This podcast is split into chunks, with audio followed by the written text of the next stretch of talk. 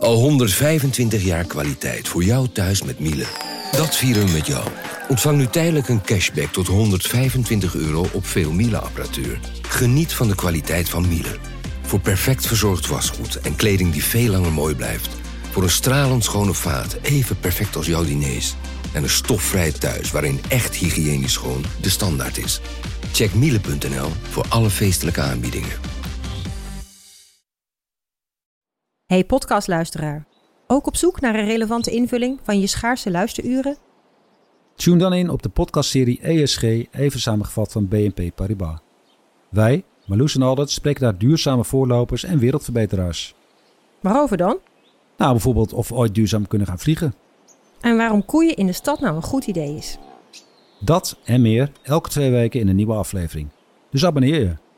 ESG, even samengevat. Vanaf de redactie van NRC het verhaal van vandaag. Mijn naam is Thomas Ruip.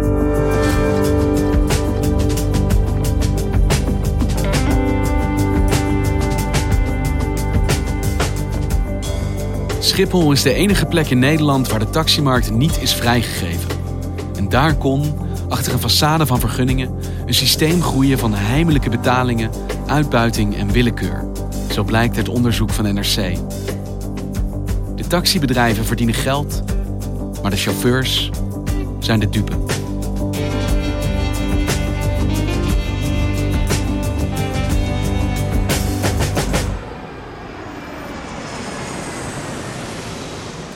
Je komt aan op Schiphol. Stel je bent een zakenvrouw, of je bent een toerist, of je bent iemand die slechter been is. Dan neem je een taxi. Esther Rozenberg is onderzoeksjournalist en maakte dit verhaal samen met Carola Houtenkamer. En je hebt eigenlijk drie opties dan. En de eerste optie is dat je vooruit hebt gedacht. En dan loop je uit Schiphol, je steekt het zebrapad over, je gaat naar rechts. En daar staan alle besteltaxis. Dus daar staat de Uber en daar staan andere besteltaxis. Dat kan je doen. Een tweede optie is dat je ehm, opnieuw de uitgang uitgaat. En je loopt het zebrapad over. En je valt eigenlijk bijna in de armen van een man met een grote zonnebril op. En een bordje taxi in zijn hand. En die roept taxi, taxi. En daar zou je ook mee kunnen rijden. En een derde optie is eigenlijk wat mensen een miljoen keer per jaar doen. En dat is gewoon de pijlen volgen. En dan loop je dus de uitgang uit en je loopt naar een hek. En dan staat daar een man met een donkerblauw jasje aan. En die wijst je naar een van de veertien taxis. Maar daar staat altijd een taxi op je te wachten. Er staan altijd, als het goed is, veertien verschillende taxis op je te wachten. Klinkt allemaal heel ordentelijk. Keuzes genoeg. Ja, zo ziet het er ook uit. Het ziet er allemaal keurig uit. Het is allemaal netjes geregeld. Passagiers zijn blij. Schiphol is blij. Maar er zit de hele wereld achter die passagiers of reizigers eigenlijk helemaal niet zien. En dat is een wereld van willekeur, van stroommannen op straathoeken, van contante betalingen. En er is een politieman bij betrokken.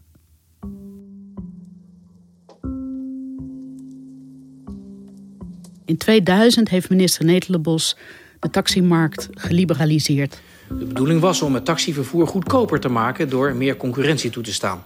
De reiziger kan nu bijvoorbeeld iedere taxi pakken die hij wil en is dus niet langer verplicht de eerste uit de rij te nemen. Iedereen die taxi wil rijden en die de goede uh, papieren heeft, die mag overal in Nederland klanten oppikken. Op één plek in Nederland na. En dat is Schiphol, de luchthaven. En wat is er dan anders op Schiphol? Schiphol heeft eigen grond, dus zij mogen zelf hun eigen taxibeleid bepalen. En zij hebben bedacht dat ze voor al die passagiers die aankomen vliegen, dat er altijd dag en nacht voor die passagiers een taxi klaar moet staan. Dus in heel Nederland kan je als taxichauffeur vrij rijden, maar op Schiphol heb je een vergunning nodig. En hoe kom je dan aan zo'n vergunning om daar te mogen rijden? Eén keer in de vier jaar ongeveer besteedt Schiphol de vergunningen aan. Uh, het heet een concessieverlening.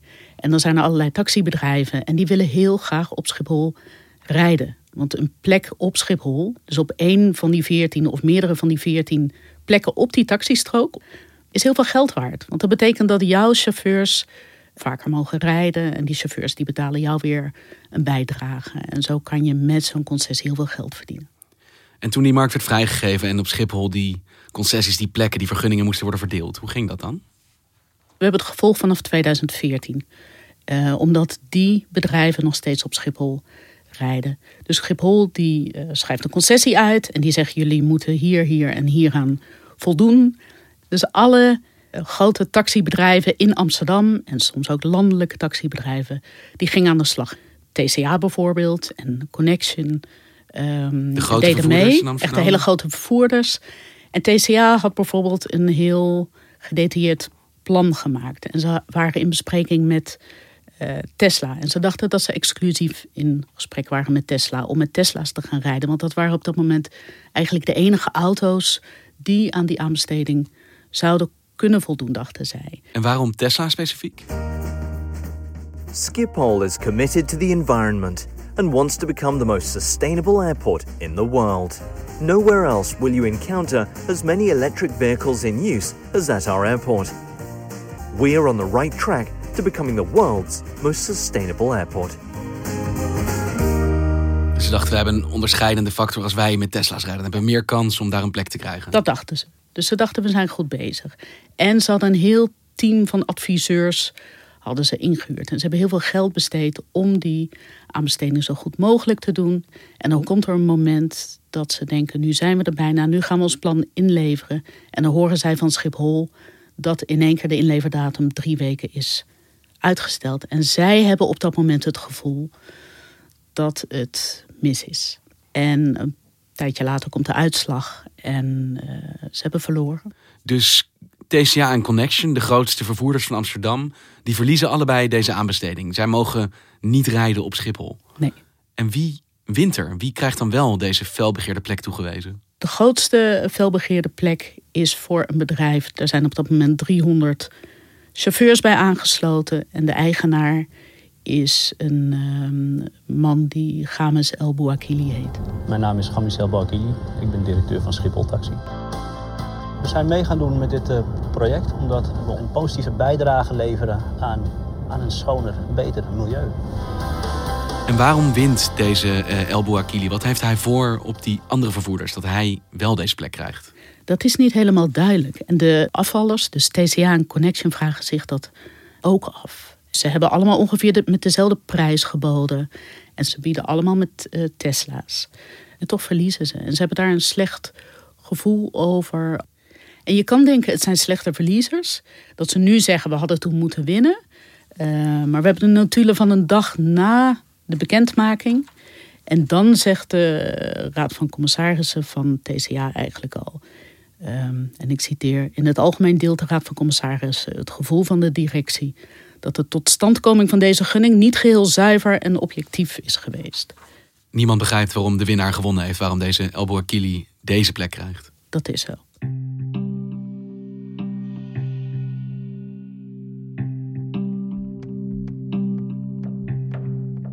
Maar de keuze is gemaakt, de concessies zijn verdeeld. Wat betekent dat voor Schiphol? Wat gebeurt er vervolgens daar op die luchthaven? Naast El Bouakili, de Schiphol Taxi, wonnen nog twee bedrijven de concessie. En dat is het bedrijf Willemse de Koning. Die rijdt met het daklicht Schiphol Service. En dat is het bedrijf Bios. Ze zijn als enige taxibedrijven van Nederland gegarandeerd van een vaste plek voor de luchthaven. Waar je altijd iemand kan oppikken. Bijna helemaal goed.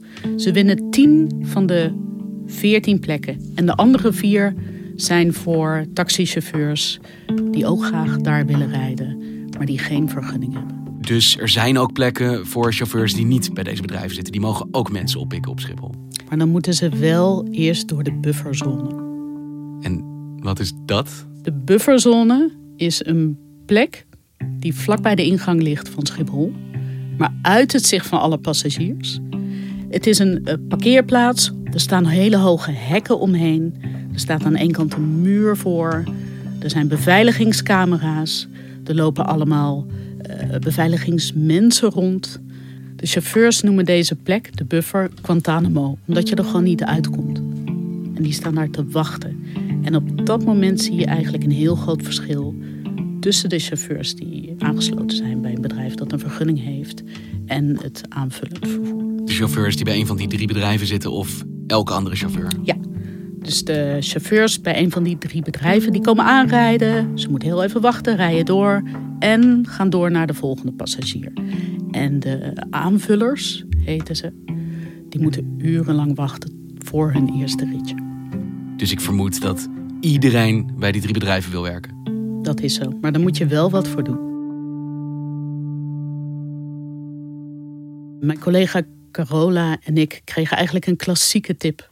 Uh, iemand zat in een taxi vanaf Schiphol naar huis. En die sprak een taxichauffeur. En die taxichauffeur was aan het klagen eigenlijk over hoe moeilijk en hoe zwaar het was op Schiphol. En wij zijn met die chauffeur gaan praten. En um, toen zijn we gaan doen wat we altijd gaan doen. Dus eerst vragen of hij bewijzen heeft, of hij documenten heeft. Of een keertje mee mochten kijken op Schiphol. Dus we zijn mee gaan kijken. En of hij nog andere chauffeurs kende die dezelfde ervaringen hadden. Of die ons meer konden vertellen over de taxiwereld op Schiphol. En in dit geval was het echt een soort straatonderzoek. Dus wij moesten gewoon naar buiten en we moesten met mensen gaan spreken. En uiteindelijk kwam iedereen met dezelfde verhalen. En wat waren die verhalen? Wat hoorden jullie dat er gebeurde binnen die taxiwereld? Toen Games El Bouakili in 2014 die concessie won... Uh, toen moest hij chauffeurs gaan halen, ook bij andere bedrijven. Want hij had de aanbesteding gewonnen, maar hij had nog niet genoeg chauffeurs om die plek ook op te vullen. Ja, chauffeurs horen in die tijd via via, dat ze via Schiphol Taxi op Schiphol kunnen gaan rijden, omdat het bedrijf in die tijd nog chauffeurs nodig heeft van buiten. En wat zij horen is dat je moet betalen, dat je 5000 euro moet betalen. En ze weten dat als ze dat doen, dat ze dan uh, dat ze binnen zijn. Dat klinkt wel behoorlijk schimmig. Dat klinkt heel erg schimmig. En het is ook schimmig als je hoort hoe dat gaat.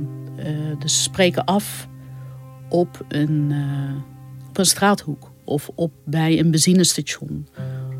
Daar moeten ze naartoe komen en dan moeten ze het geld bij zich hebben in een envelop. En dan komt een van die voormannen, die komt daar dan ook naartoe. Dan maken ze een praatje en dan overhandigt de chauffeur de envelop aan die voorman. En die voorman hoeft niet eens te kijken wat erin zit, want die weet al wat erin zit. Want zo is het afgesproken. En die voorman gaat naar huis. Die chauffeur die gaat ook naar huis. En wat we een paar keer hoorden is dat dan binnen een half uur een e-mail in hun mailbox zat waarin stond: Gefeliciteerd, u bent nu rijder bij Schiphol Taxi. En wat vonden die chauffeurs daarvan die jij sprak? Het feit dat ze op deze manier zich moesten inkopen voor een plek? Hadden het idee dat ze het niet eens zo heel ongebruikelijk vonden. En ze dachten, we willen gewoon rijden op Schiphol. We moeten dit doen en we doen het gewoon. Dus één keer betalen. Het is misschien wat een smak geld, maar daarna ben je binnen. Dan heb je je plek. Dus dan is alles goed. Dan is niet helemaal alles goed, omdat we vervolgens er ook achter kwamen dat er ook allerlei andere dingen niet helemaal uh, lekker liepen.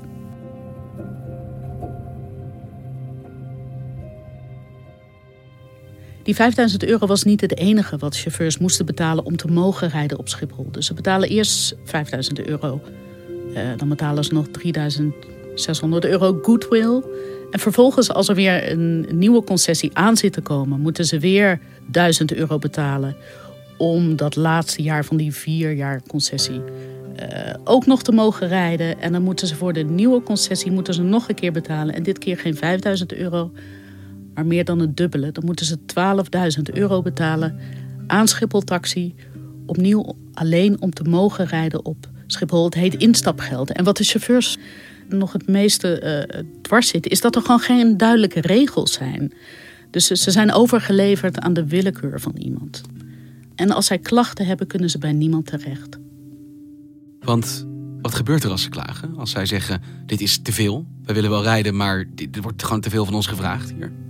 Er wordt gewoon niet naar ze geluisterd. We kwamen erachter dat ze op heel veel plekken misstanden hebben gemeld. Er zijn twee chauffeurs die gaan naar de Belastingdienst. En die vertellen uitgebreid over het circuit van zwart geld. En die belastingman die zegt: We kunnen er alleen maar iets aan doen als jullie aangifte doen. En zij durven dat niet, want zij willen niet met naam in een dossier staan. En waarom is dat, dat ze niet onder hun eigen naam willen verklaren? Wat is het risico voor hen? Dat is om dezelfde reden dat ze ook met ons alleen anoniem wilden praten. Omdat de ervaring leerde dat als ze hun mond open doen, dat ze weg moeten van Schiphol. Dus ze raken hun positie kwijt, ze raken hun werk kwijt, ze raken hun klanten kwijt. Dat gebeurt, je klaagt en je wordt eruit gewerkt. Ja, dat, dat hebben we echt van heel veel chauffeurs gehoord. Dat als ze hun mond open doen, als ze kritiek hebben, vlak daarna moeten ze weg.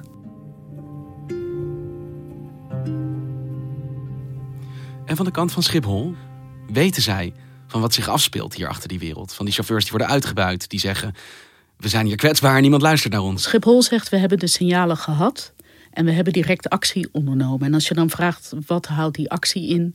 Dan is dat dat ze naar de directies zijn gegaan uh, van die taxibedrijven... Uh, waarom het gaat. Dat ze gevraagd hebben, uh, kloppen deze geruchten? En dat de directies dan zeggen dat dat niet het geval is. En de taxibedrijven zelf? Bijvoorbeeld uh, Gamis El Bouakili, die baas van Schiphol Taxi. Wat zegt die dan over deze beschuldigingen? Hij ontkent alles. Hij zegt, ik hoorde dit signalen, ik heb het mijn chauffeurs gevraagd. Hij heeft nog een soort e-mail-enquête uitgezet. Uh, en daar komt niks uit. En hoe kan dat dan, als jullie van alle taxichauffeurs tegenovergestelde horen, dat dit wel gebeurt? We hebben van de chauffeurs ook gehoord hoe dat in die tijd uh, ging. Namelijk dat ze in die buffer staan te wachten. En dat een van de voormannen dan naar ze toe komt en zegt: Als jij iets gaat mailen wat ons niet aanstaat, dan uh, doe je niet meer mee met de volgende concessie. En we hoorden van een andere chauffeur het tegenovergestelde. Uh, die werd juist gevraagd om een hele vriendelijke mail juist terug te sturen. Dus naar buiten toe wordt het signaal gegeven: onderzoeken dit. Maar vervolgens voelen de chauffeurs zich niet vrij om ook te antwoorden op die vraag. Dat is wat we horen. Hey, en die baas van Schiphol Taxi, wat is dat voor een man? Dames en heren, mijn naam is Gamisel Bouakili en ik neem jullie graag mee in mijn verhaal. Gamisel Bouakili is um, geboren in een dorpje, geboren in, een dorpje in, in Marokko. Marokko. Hier groeide ik op, tussen de junks en de dealers van de Mercatorpleinbuurt in Amsterdam-West. Niet echt de meest voor de hand liggende ingrediënten voor een succesverhaal. Hij heeft zich opgewerkt tot taxichauffeur, vervolgens directeur van een taxibedrijf. Door visie, vertrouwen in mezelf en de juiste mensen om mij heen wist ik het bedrijf uit te bouwen van een organisatie met 50 chauffeurs tot een organisatie met 1300 chauffeurs en de grootste elektrische taxivloot van Europa. Waar we achter kwamen is dat hij tegelijkertijd al die tijd ook politieman was. Dus eh, zijn dat functies die je mag combineren? Dus politieagent zijn, maar ook de baas van een taxibedrijf? Dat schreeuwt haast belangenverstrengeling. Uh, nee, de politie is daar heel duidelijk over. Die zeggen je mag als uh, politieagent soms uh, best een bijbaan hebben, een nevenfunctie hebben, maar alleen met toestemming en zeker niet in de taxiwereld. Hoe kan het dan dat hij dat toch allebei was? Nou ja, dat vroegen wij ons ook al. Want hij is zes jaar lang is hij en directeur van een taxibedrijf en hij is hoofdagent op de Lijnbaansgracht Hartje Centrum. En hij is er niet eens heel geheimzinnig over. En we hebben de politie gebeld. En die erkennen achteraf dat het gewoon anders had moeten gaan. En nu? Combineert hij dat nog steeds? Nee, hij moest stoppen bij de politie in 2016. Dus hij heeft gekozen voor de taxiwereld? Ja, en dat is ook wel goed te begrijpen. Want hij, zijn bedrijf is in die tijd uh, uitgegroeid tot een heel groot uh, bedrijf. Hij beschikt over een hele vloot Tesla's. En uh, hij doet het goed. Hij wordt een gerespecteerd zakenman. Hij wint er op een gegeven moment ook nog een prijs mee. Als uh, ondernemer van het jaar. En daarom vraag ik u, laat mij een van de rolmodellen zijn voor onze multiculturele jeugd die aan het begin staan van hun carrière en wellicht denken dat ze het niet kunnen, dat het niet voor ze is weggelegd. Laat mij die boodschap van hoop uitdragen. De boodschap dat het niet uitmaakt waar je vandaan komt, maar waar je naartoe gaat. Jullie hebben dus een hele schaduwwereld ontdekt. Eigenlijk een hele duistere kant die verscholen zit achter dat systeem op Schiphol. Waar chauffeurs dus worden uitgebuit. Maar toch kiezen ze er wel voor om elke dag naar Schiphol te komen en daar hun klanten op te pikken. Waarom blijven ze dat doen? Zij zeggen tegen ons: wat moeten we dan? Ze zitten vast.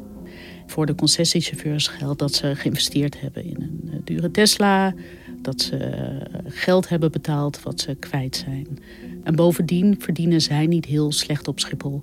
En voor die andere groep geldt dat ze gewoon niet zoveel opties hebben. Wat moeten ze dan? Ze kunnen voor Uber gaan rijden en dan verdienen ze nog minder. Of ze gaan naar Amsterdam en daar is eigenlijk ook geen werk meer voor taxichauffeurs. Maar dat creëert wel een situatie dat er in ieder geval vanuit die taxibedrijven geen enkele motivatie is om dit te veranderen. Ja, dat is zo. Want op het moment dat chauffeurs weggaan, staan er heel veel andere chauffeurs klaar om eh, hun plek in te nemen. Dus niemand hier heeft reden eigenlijk om dit te veranderen? Nee, uiteindelijk zijn de meeste partijen zijn blij. Schiphol denkt er is rust op de luchthaven. De passagiers zijn blij dat ze eh, op elk moment een taxi kunnen pakken. En de taxibedrijven zijn blij dat ze veel geld kunnen verdienen. En de chauffeurs zijn de dupe. Dankjewel Esther. Graag gedaan. Je luisterde naar vandaag, een podcast van NRC. Eén verhaal, elke dag. Dit was vandaag, morgen weer.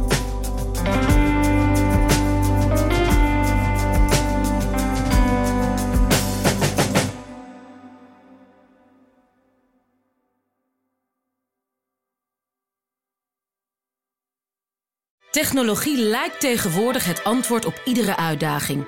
Bij PwC zien we dit anders. Als we de potentie van technologie willen benutten, kunnen we niet zonder een menselijk perspectief. Human-led, tech-powered noemen we dat. Ga naar pwc.nl.